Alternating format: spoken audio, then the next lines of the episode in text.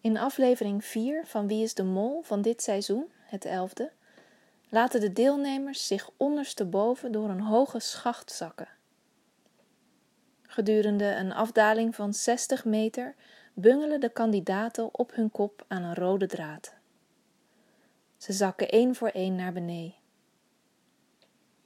De meesten zingen en jubelen, laten hun armen openvallen als reiken ze naar een grote bos bloemen. Hun lichamen hangen elastisch te zijn, los en vrij. Ik denk aan al die tussenwervelschijven die even niet op elkaar hoeven te klinken. Die ruggen, die rekken vast heerlijk op.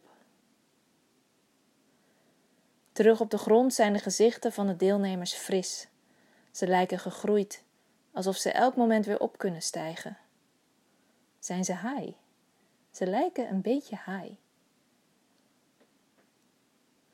Eén kandidaat doet het anders. Hij daalt af met gesloten ogen, houdt zich rustig, zakt als een lode gewicht naar de aarde. Zen noemt hij het.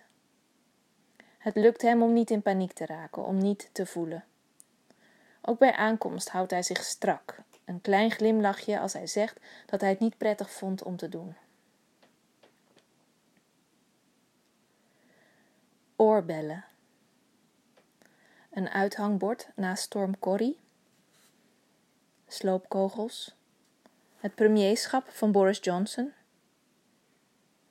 Sinds Wie is de Mol zie ik ze bungelen.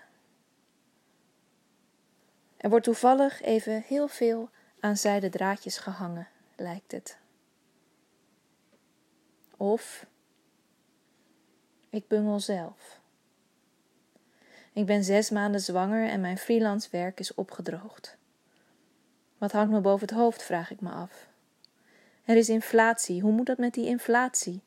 Met dat rotte systeem achter de inflatie? Hoe groeit een kind op in een kapot klimaat? Rustig blijven. Zen. Op andere momenten sling ik naar het andere uiterste. De krachten die zoveel onzekerheid brengen, wel, die zijn zo grillig dat het ook zomaar weer los kan lopen. De Griekse godin van het toeval, Tyche, is blind voor wat ze doet, argeloos, ze doet maar wat. Zonder plan, dus laat ik gewoon maar rond blijven kijken terwijl ik hier toch hang, zingen en mijn armen open doen, alsof ik een bos bloemen aan zal pakken. Ja, of hangen we wel aan een draad? Is het eigenlijk wel een goed idee om zomaar een metafoor te gebruiken? Zit ik niet gewoon random wat verhalen te vertellen, wat verbanden te leggen? Ik zit gewoon verbanden te leggen. Ik maak een verhaal, ik suggereer orde in een universum van louter chaos en toeval. Ik doe dat. Ja, ik vind het aangenaam om te doen.